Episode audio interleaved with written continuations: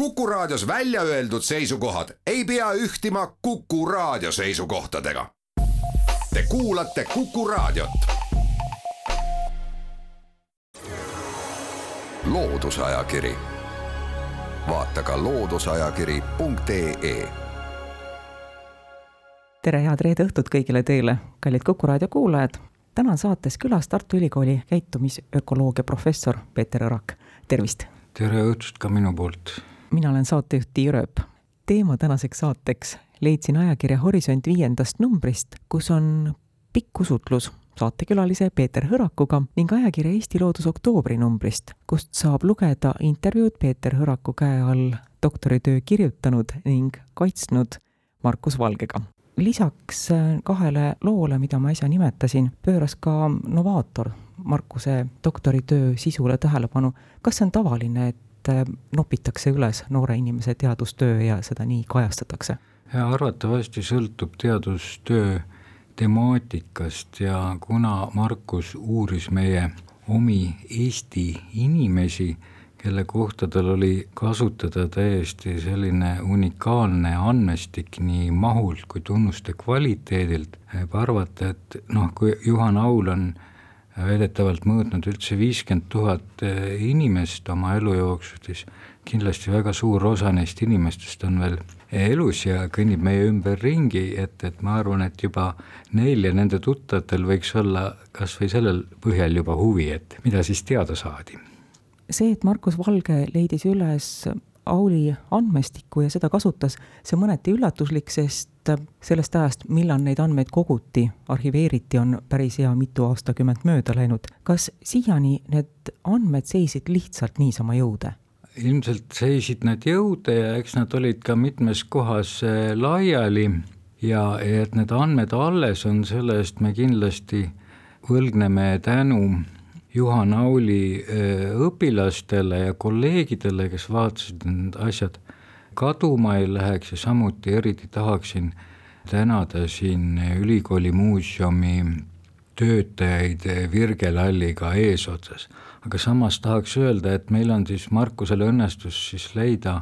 kahekümne seitsme tuhande inimese või koolilapse andmekaardid aga eh, sõja ajal läks üht-teist ikkagi kaduma, et kõik need antropoloogilised uurimused, mis ta, mis ta tegi seal kahekümnendate aastate lõpus eh, Sõrves ja need tema täiskasvanute mõõtmised, et neist minu arvates on Markusel õnnestunud eh, leida ainult, ainult fragmente, aga just see koolilaste andmestik, mille kogumine vist lõppes siis kuuekümne seitsmendal või kuuekümne üheksandal aastal mulle tundub, et see on vist enam-vähem äh, terviklikult kätte saadud ja, ja põhiline osa oli neist tõesti ülikooli ajaloomuuseumis Lossi tänava keldris, aga mingeid juppe tuli siis kuskilt siit ja sealt välja, mida me siis saime Auli õpilaste abil vihjeid, kust neid võiks veel otsida või õigemini noh, Markus tegeles sellega. Markus ütleb Eesti Looduse intervjuus, et elukäik on justkui geenidega kaasa pakitud plaan, kuidas oma keskkonnas võimalikult edukalt hakkama saada. kas sellest võib teha sellise lihtsa järelduse, et tahame või mitte, aga tegelikult inimene on loov nagu teisedki? noh, vot eks sel ajal, kui meie sinuga ülikoolis õppisime bioloogiat, siis mäletad, keegi oleks meile püüdnud väita, et inimene loomariiki ei kuulu aga selge see, et ta on niisugune natuke teistmoodi loom kui suurem, suurem jagu ülejäänuid, kellel ka esineb kindlasti igasuguseid kultuurielemente ja ressursside pärandamist üle põlvkondade, aga aga eks, eks me oleme ikkagi ütleme, kui me vaatame, kuidas käib meie evolutsioon, siis see allub samasugustele protsessidele nagu kõikide muude loomariigi ja mitte ainult loomariigi, vaid kõigi muude elusolendite evolutsioon, meil on nüüd selline üks kiht on seal lihtsalt juures, et lisaks geneetilisele evolutsioonile meil mõjub ka kultuuri evolutsioon ja, ja mõnikord need kaks asja töötavad samas suunas, aga alati, alati see ei pruugi ka nii olla, et teinekord võib kultuuri evolutsioon ka meie geneetilistele huvidele vastassuunas toimida millistel juhtudel näiteks? kõige klassikalisem nähtus on siis naiste kõrghariduse seos nende madala sigivusega, mida on leitud peaaegu igal pool maailmas juba arengumaades, meie Eesti rahva loenduse andmetest on hästi teada, et terve möödunud sajandi jooksul oli kõrgharidusega naistel keskmiselt siis pool kuni kolmveerand last vähem kui põhiharidusega naistel, noh väidetavalt kuskil Skandinaavia maades on leitud, et mingitel perioodidel mingites ühiskonnakihtides need seosed ei pruugi parasjagu samamoodi töötada, aga noh, valdav pilt üle maailma on siis selline, kus tõesti siis see kultuuri evolutsioon just naiste puhul eriti on siis, töötab nende nii-öelda geenide huvidele vastassuunas. millised on geenide ja erisuguste keskkonnamõjude vastasmõju? siin on üks asi, et geenid kujundavad ise iseendale väga palju eh, keskkonda ja, ja see põhiliselt eh, toimub see nähtus siis haridusliku valiku läbi, millele ka siis kaasneb paarilise valik. Et inimesed, kellel on geneetiline soodumus omandada rohkem haridust, üks seda soosiv omadus on eh, tema intelligentsus, aga seal on veel palju muid omadusi, mis soosivad eh, hariduse omandamist, need on siis ka isiksuse omadus, mida psühholoogid nimetavad meelekindluseks, mis on siis põhimõtteliselt sisaldab endas usinust ja, ja tahtejõudu ja, ja ilmselt siis ka peab olema piisavalt stabiilne inimene, püsiv. Ja et sellised inimesed eh, koonduvad nii keskkoolidesse, ülikoolidesse ja nii edasi ja nad moodustavad siis selliseid oma mikrokeskkondi, mis, kus siis toimub eh, tavaliselt siis ka nende elukaaslase või partneri leidmine ja need keskkonnad, kus siis puutuvad kokku suhteliselt eh, ühesuguste isiksuse omadustega inimesed, on siis erinevates ühiskonna haridusklassides erinevad, et selline noh, ütleme nišiloome või nišivalik, eh, mis viib siis sarnaste inimeste üksteisega siis kokkupuutumiseni, on siis suurelt jaolt määratud sellega, millised geenikomplektid on neile inimestele kaasa antud. aga see ei ole nüüd niisama lihtne ja otsene, et kõik meie DNA määraks, missuguste inimestega me paari heidame, seal on palju muu, muid asju ka. vanemate geenid võivad eh, mõjutada laste elukäiku isegi sellisel juhul, kui neid neile lastele ei ole pärandatud. Kui vanemal endal oli geneetiline soodumus kõrgharidust omandada, siis see tähendab, et ka nende peres oli vastav hulk, eh, neil oli palju raamatuid, seal oli võib-olla komme lastele ette lugeda, harrastada intellektuaalsemaid meelelahutusi, et ka see keskkond, kus kasvab see laps ülesse, mõjutab tema käitumist isegi sõltumatult sellest, kas ta siis oma isalt või emalt vastavad geneetilised variandid sai kaasa, mis nüüd siis selle hariduse või taibukuse pärimist mõjutavad, et see kultuurikeskkond, milles laps kasvab, on ka suurelt jaolt geneetiliselt kujundatud selle üle on palju arutletud, kas see, kes me oleme ja mida me teeme, millest see enam sõltub, kas see sõltub sellest geenikomplektist, mis meil on, või sellest keskkonnast, milles kasvame? kumb mõjutab rohkem meie tegemisi, saab seda öelda? jah, no niimoodi tavaliselt äh, arvatakse, et niimoodi ei ole, ei ole hea küsida, sellepärast nagu ma just enne ütlesin, et, et see keskkond kus me üles kasvame, on samuti mõjutatud meie vanemate ja vanavanemate geenidest ja noh, põhimõtteliselt on küll teada jah, et mis, kui palju on mingites tunnustes osas geneetilist varieeruvust. näiteks me teame, et need isiksuse omadused nagu mis iganes neurootilisus, meelekindlus, avatus, kõik muu, et et selliste isiksuse omaduste pärittavuskoefitsient on umbes viiskümmend protsenti, aga nüüd see ei tähenda mitte sugugi, et pool meie iseloomust on määratud geenidest ja pool meie iseloomust on määratud keskkonnast, ei, see tähendab lihtsalt seda, et kui me võtame, mõõdame ära populatsioonis suure hulga inimeste iseloomud, seda on isiksuse omadused on küsimustike põhjal väga lihtne teha ja siis mõõdame vastavalt siis ka nende vanemaid või õdesid-vendi, et siis me saame teada, et kui suur osa populatsioonisisesest varieeruvusest on, on siis geneetiliselt määratud. et nii me saame tunnuseid võrrelda küll, näiteks siis eh, üks kõige tugevama päritavusega selline käitumistunnus ongi siis see niinimetatud IQ või G-faktor,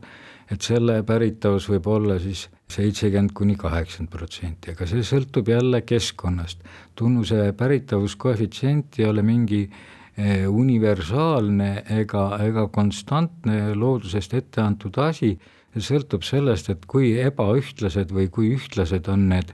need eh, keskkonnatingimused, kus siis mõõdetud hulk inimesi elab, kui näiteks keskkond on väga suur, sisaldab väga suurt ainelist või majanduslikku või mis iganes ebavõrdsust, siis sellises keskkonnas on tunnuste päritavused üldiselt eh, madalamad, seal on keskkonnamõju ükskõik mis tunnuste avaldumisele suurem, aga kui keskkond on suhteliselt homogeenne ja homogeenne keskkond on tavaliselt selline, mis on siis majanduslikult arenenud riikides, kui elu on läinud paremaks, siis on läinud kõigil elu paremaks, et sellises keskkonnas, kus kõigil on suhteliselt ressursse piisavalt, keegi ei ole väga palju rohkem limiteeritud teine, et sellises keskkonnas saavad siis inimestevahelised geneetilised erinevused selgemini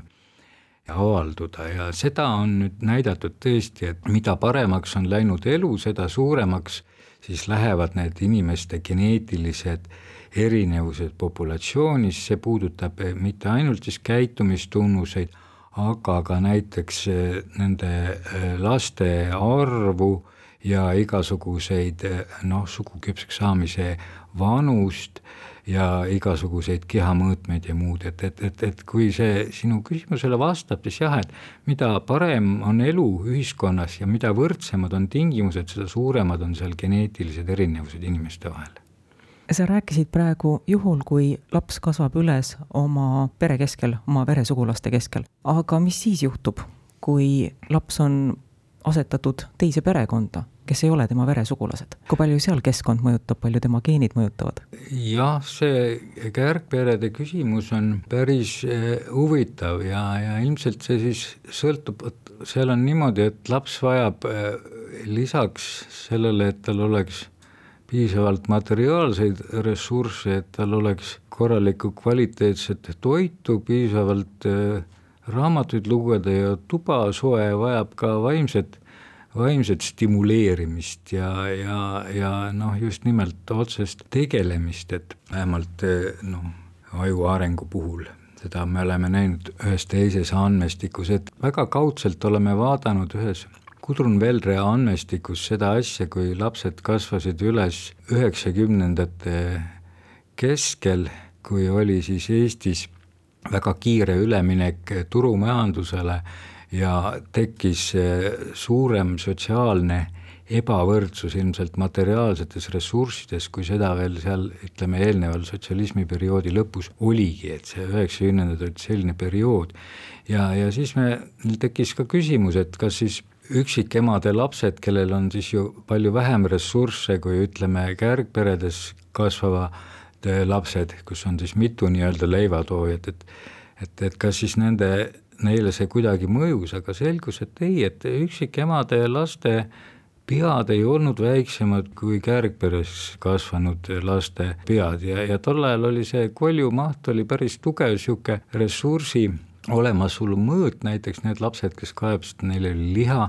neil olid väiksemad pead, aga paistab, et asi ei ole ainult selles, et ilmselt seda on näidatud varemgi, et üksikemadel on oma lastele jätkub rohkem tähelepanu kui sellisel emal, kellel on siis nii oma kui siis ka teise partneri lapsed. et, et, et tundub niimoodi, et, et vähemalt tolles olukorras üksikemad suutsid, suutsid väga adekvaatse keskkonna tagada oma lastele, vaatamata sellele, et nende materiaalsed ressursid olid viletsamad ja lapsed tegelikult kaebasid, et neil oli elu, oli raskem aga noh, see oli väga spetsiifiline periood seal üheksakümnendatel, et ma ei ole kindel, et kuskil teistes populatsioonides, et isegi Eestis praegusel ajal nüüd sellised drastilised asjad, asjad välja tuleks, et see lihtsalt, Gudrun oli väga huvitaval ajal, üheksakümmend seitse kuni üheksakümmend üheksa sattunud oma doktoritöö materjali koguma. nimetasid ära seose, kus lapsed, kellel oli menüüs liha napimalt, nende koljumõõtmed olid väiksemad, kas mõne teise toiduainega ka selliseid asju on välja tulnud, ainult lihaga? ainult lihaga, seal oli selline Kudrunil ankeet, et milliseid toiduaineid tunnete, et teil on puudust toidulaual ja, ja, ja siis lapsed said sinna kirjutada, eks liha või piima või magusat või mida iganes, siis me tegime nendest kõik niisugused binaarsed tunnused ja kontrollisime kõiki teisi ka, et ei piima ega, ega suhkrupuudusega ei olnud mingit seost kasvul. kas see on minust väga provokatiivne, kui ma ütlen, et äh, inimesed, kes äh, soovivad oma lapsi kasvatada ainult taimsel toidul, peaksid selle peale mõtlema? See on selline küsimus, et ega me ei saa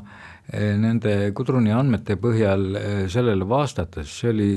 üsnagi selline äärmuslik periood üheksakümnendate keskel, et noh, see võib olla see, et kuigi lapsed ei kurtnud, et neil oli oli puudust ka muudest toiduainetest, võib-olla see ikkagi moodustas mingisuguse fooni, võib-olla oli neil tuba külm, siis oli see, et isa oli töötuks jäänud, kõik sellised asjad, et noh, see oli vähemalt me saame öelda, et sellises küllaltki stressirohkes keskkonnas selline seos tuli välja. et see oli ka korrelatiivne seos, noh selge see, et ega me inimestega katseid korraldada ei saa, aga aga ma ütleksin, see on niisugune asi, mille peale võiks mõelda, aga me kindlasti ei tea, kas samasuguse tulemuse saaksime, kui me, kui me praegu teeksime. saates oli külas Tartu Ülikooli käitumisökoloogia professor Peeter Hõrak millised seosed ilmnesid Juhan Auli poolt kogutud andmete analüüsil, seda saab lugeda nii ajakirjast Eesti Loodus kui Horisont. aitäh kuulamast, jälle kuulmiseni! loodusajakiri, vaata ka looduseajakiri.ee